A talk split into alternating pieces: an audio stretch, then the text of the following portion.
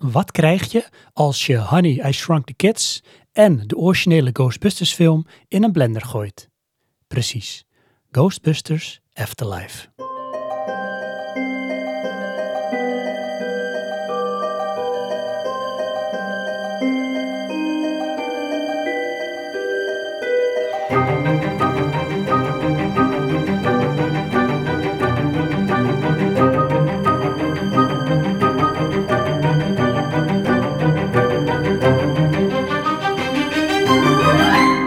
Is er leven na de dood?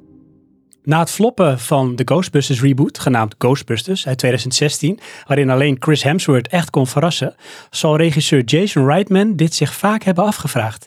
En ja, Jason Reitman is de zoon van Ivan Reitman, de man achter de eerste twee originele Ghostbusters films uit de jaren 80.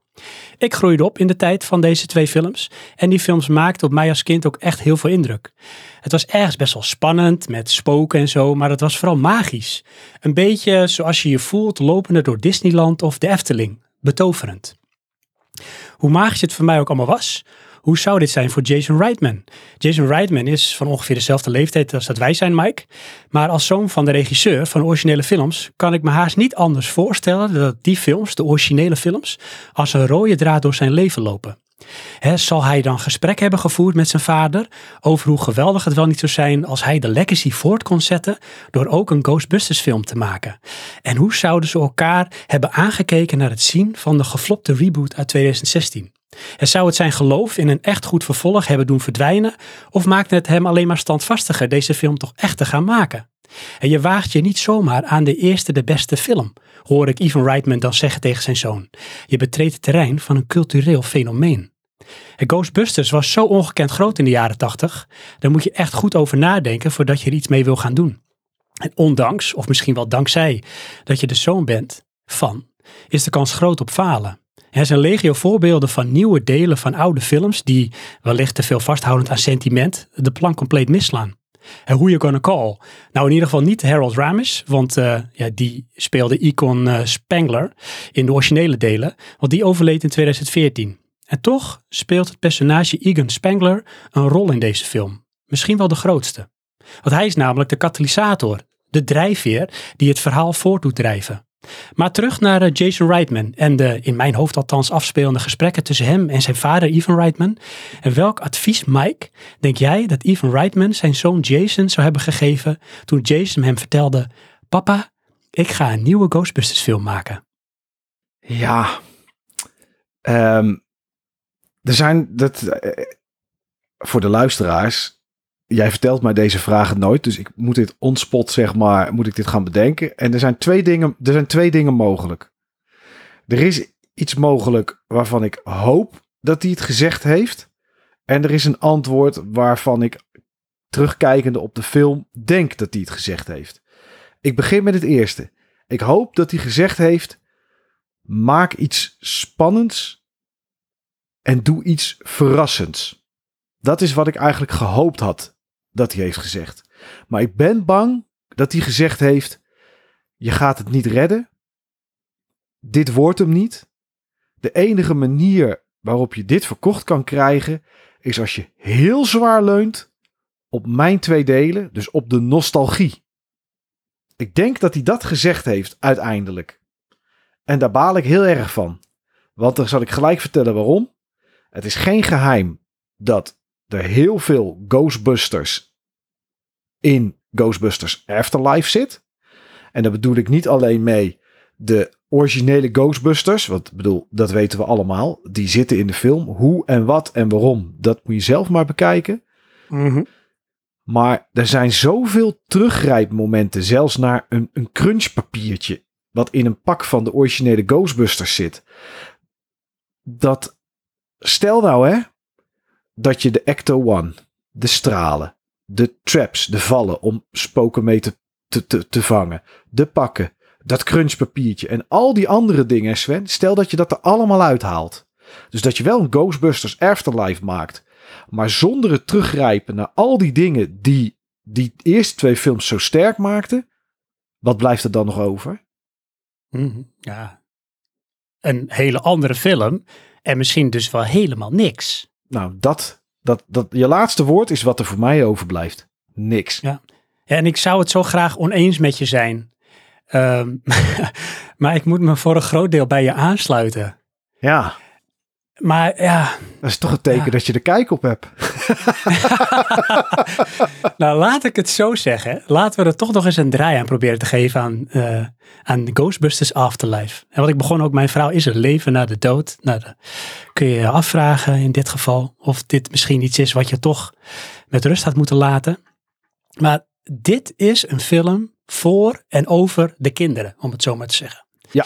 En dat is wat mij betreft niet per se goed of slecht. Het is alleen niet wat ik had verwacht. Want toen ik hoorde dat Paul Rudd een rol zou spelen in deze film, had ik gelijk zoiets van, oh tof. Want hij is wel het soort acteur, hè, we kennen hem als eh, Ant-Man onder andere. Ja. Hij is een soort acteur dat geschikt is voor een rol in zo'n soort film. Dus ik was ook benieuwd, wat gaat hij dan doen en wat gaat hij betekenen? Maar dan moet ik helaas zeggen dat dat voor mij uiteindelijk heel weinig was in deze film. Ja? Want hij en Carrie Coon, die dan eh, de moeder speelt, want we moeten het ook eigenlijk nog hebben waar de film over gaat. Eh, Laat ik ja. daar meteen maar even kort mee beginnen. ja, doe Een maar. korte synopsis. Hè? Het komt eigenlijk hierop neer. Je hebt een alleenstaande moeder, gespeeld door eh, Carrie Coon. Ze heet Kelly. En ze heeft twee kinderen. Phoebe, en die wordt gespeeld door Makina Grace. En Trevor, en die wordt gespeeld door Finn Wolfhard. Die we onder andere kennen uit Stranger Things. Die eh, verhuizen naar een klein dorpje in Oklahoma. En daar ontdekken ze al snel dat ze een connectie, connectie hebben met de originele Ghostbusters en de erfenis van hun grootvader. Dat is eigenlijk de propositie. Ja. Ja, en toen had ik oké, prima. Nou, hè, toen hoorde ik dus, hey, Paul Rudd speelt erin, dat is lachen. Maar dan heb je dus Paul Rudd en heb je Carrie Coon, de moeder van de kinderen. Die zijn eigenlijk maar een soort noodzaak om de richting van het verhaal te bepalen. Maar voor de rest zijn het de kinderen, de kids die het voor het zeggen hebben. Ze spelen wel een, een grote rol richting het einde. Alleen wat ik daar dan weer heel erg hinderlijk aan vind, is dat dat een rol is die ik in de tweede Ghostbusters ook al heb vervuld zien worden. Het is echt een herhaling van zetten. Dat is het. 100%. Letterlijk. Ook het Ja. verhaal ook gewoon. Zeker. Zeker weten. Ja, ik denk, hè, als ik het dan ga bekijken van waarom zou iemand nou dit doen? En het, in mijn openingsverhaal vertelde ik het al van, het zijn legio voorbeelden van nieuwe delen van oude films die dit ook doen. En dat werkt niet. Dat Nee. werkt wel, misschien voor een heel nieuw publiek. Net zoals dat een liedje opnieuw wordt uitgebracht en die heb je nog nooit gehoord omdat jij eh, toen nog niet geboren was. Dan denk je, hé, hey, een tof liedje. Maar mensen die het origineel al kennen, die denken van ja, maar dit is gewoon een slechte kopie. Ja, maar ja, dat is deze film voor mij ook. Kijk, in het origineel waren het volwassenen. Nu is er een kind van 12 dat de wereld gaat redden van geesten. Ja, Mhm. het kan prima. Het is film. Geesten bestaan ook niet voor mij. Ehm, hè, dat kan voor iedereen anders zijn. Maar net afhankelijk van wat je gelooft. Maar waarom moeten het nu kinderen zijn? Waarom is deze film voor mij neergezet als een Netflix-film die niet voor Netflix is gemaakt, maar eigenlijk wel voor Netflix is bedoeld? Want dat is echt, Mhm. echt het gevoel wat ik krijg bij deze film. En zo begon het niet. De eerste twee, drie minuten dacht ik zo. Dit is een lekkere avonturenfilm zeg. Ik kreeg er een soort Indiana Jones gevoel bij. De ja, muziek, spannende achtervolging. precies. De muziek, de sfeer, alles. En 50 minuten na het begin dacht ik, waarom kijk ik hier naar? Ja, ja, ik snap het. Ik snap het. Ik had hetzelfde gevoel. Kijk, ik denk dus dat Jason Reitman had zoiets van, nou, ik wil eh, dat gevoel dat ik als kind had, kijkende naar de originele films, overbrengen op de jeugd van vandaag. Dat denk ik, hè? En dat is deels misschien ook wel gelukt, want er zaten ook best wel momenten in waarin ik mezelf betrapte met een glimlach, omdat ik dan toch een soort zweempje van nostalgie en herkenning in beelden, geluiden en muziek had. Maar net zo vaak voelde ik op een soort geforceerde manier de hedendaagse tijd in deze film. Hmm. Maar ja, je zegt Als je begrijpt al. wat ik bedoel. Ja, ja, ja. Maar je zegt aan het begin van deze zin zeg je al dat je vaak met een glimlach zat door het nostalgische wat erin zat. Alleen daardoor. Ja, mensen die het origineel niet gezien hebben, is de Ecto One niet een terugblik of, of een teruggrijp naar iets nostalgisch. Is gewoon een auto die er een beetje raar uitziet. Nee, zeker. Eh, het- Absoluut. Het kruisen van de stralen, wat ooit in de films Do Not Cross the Beams. Ehm, ja, dat zegt anderen helemaal niks. Dat crunchpapiertje zegt anderen helemaal niets. Nee, maar is dat erg, hè? Dat vraag ik me af. Is dat erg dat dat zo is? Nee, het is niet erg, maar het geeft wel aan als jij zegt van... Ik kijk naar deze film en ik, ik wil je helemaal niet een mening in de schoenen schuiven, Sven. Maar zodat het lijkt een beetje alsof ik een soort preacher ben, zeg maar. Een soort pastoor ben die voor de, de, de anti-Ghostbusters Afterlife kerk staat te preken. Dat is het niet. Iedereen kan er zijn plezier uit halen als hij dat wil. Maar eh, als dat de dingen zijn die voor jou dan nog het kijken redelijk waard maakte en, en je daar je glimlach uit haalde, ja, dan, dan ontbreekt er toch iets. Kijk, neem de allereerste Ghostbusters. Hoe begint dat? In een bibliotheek waar een geest is. Mhm. In de eerste drie, vier minuten, je ziet hem niet. Ja, je ziet hem heel even. Je ziet hem achter een vrouw aanrennen die wegrent. Ehm, maar in de eerste vijf minuten is, is de sfeer is neergezet van de film. Er is neergezet waar het over gaat. En je hebt al een geest gezien. Deze film, in het eerste uur, want hij duurt, hij duurt twee uur en, en, en een paar minuten. Vier minuten. Vier Ja. minuten. In het eerste uur zie je twee keer even een geest iets voorbij komen. En dat was het. En wat is de rest? De standaard opbouw. Eh, komen in een nieuw stadje. Worden niet geaccepteerd. eh, zijn raar. Eh, de standaard grapjes zit erin. Er is toch iemand die ze dan oppikt. En zegt van nou kom maar mee. Ik neem je onder mijn vleugels mee. Het is zo standaard. Er zitten zoveel clichés Zeker, zeker. in. Ja, maar dat is wat ik zeg dan, dat maakt het voor mij dus een, een film voor en over de kinderen. En eh, dat is ook mijn, zeg maar, eh, waar ik naartoe wilde met, is dat dan slecht? Hè? Dat er toch dingen in zitten van het origineel. Want Mhm. ik denk dat ze, kijk in het origineel was het voor de volwassenen, was het leuk. Ja. Want je had grappige en spannende dingen, maar het was op zo'n manier dat het ook voor kinderen te doen was. Zeker. Hè, dus er zat slimme, dubbelzinnige humor in. En het was eigenlijk ja, een volwassene film die gewoon ook prima eh, te kijken was door kinderen. En in deze film ehm, is het alsof de kids van toen meekijken eh, voor de zweempjes van nostalgie. Dus ik ben nu de ouder, mijn dochter is het kind. Die kijkt de film, die moet lachen om de grapjes. Ik herken dingen van het origineel. Ja. Maar het is dan ja, vooral voor mijn kind, voor mijn dochter, voor wie die film gemaakt is. Hmm. En dat is wat ik bedoel, maar dat is niet goed of slecht, maar dat is niet wat ik ervan eh, had verwacht. En dat maakt voor mij die film wel minder goed. Want wat voor mij overblijft zijn dus alleen maar die nostalgische momenten. En die knijpt Jason Reitman echt heel erg uit. En het is precies die opsomming die jij hebt gemaakt. Ja. Alleen, ja, het leunt te veel daardoor op de legacy. Ja. En ja, dat sloeg voor mij de plank mis. Ja, voor mij ook.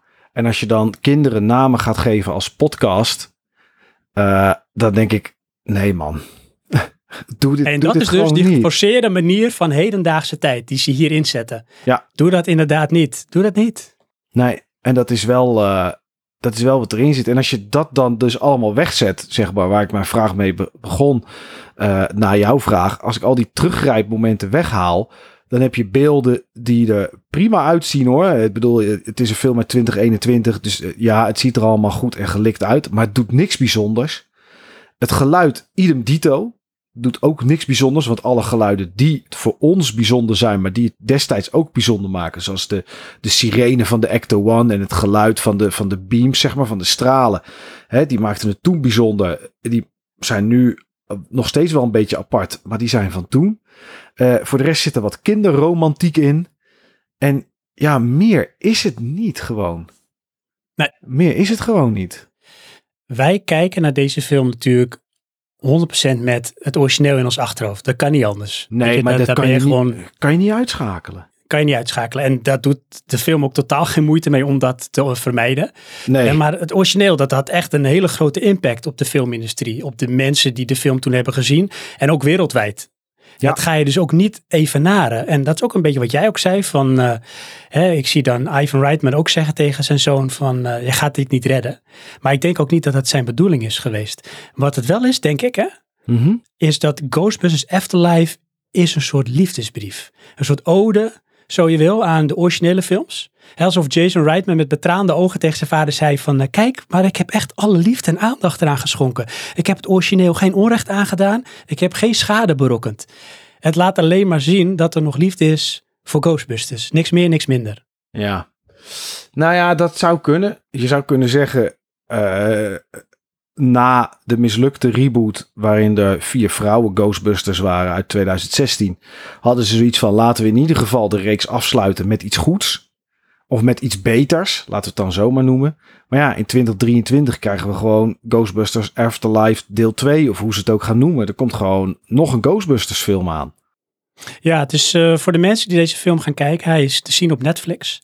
En um, stop niet met kijken als je het einde redt, als de aftiteling loopt, want er zitten twee uh, filmpjes nog in. Klopt. Ja, ja na, de, na de grafische aftiteling en daarna naar de echte aftiteling, zeg maar.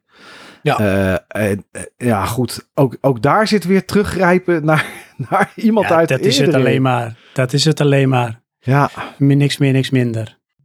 Uh, dan hebben we natuurlijk nog de tagline. Hè, tagline, dat is een soort volzin die een film omschrijft en een soort terugkerend fenomeen.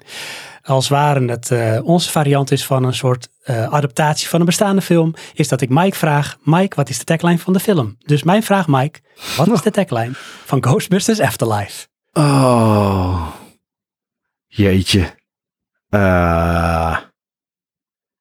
er is een film, ik weet niet welke, en daar is de tagline van zoiets als Relive the Past. Uh, ik denk dat het beste had geweest als er was Ghostbusters Afterlife. What is dead should stay dead. ik had wel verwacht dat je iets had van uh, I told you so, don't do it, and yet you did it. ja, nee, maar ja, nee, dit had gewoon, dit had gewoon lekker begraven moeten blijven in mijn optiek. Ja. Nee, de tagline is uh, Discover the past, save the future. Maar uh, ja, ik ben het ook daarin mm. weer met je eens. Het is uh, helaas, helaas kan ik niet anders dan me aansluiten bij wat jij zegt.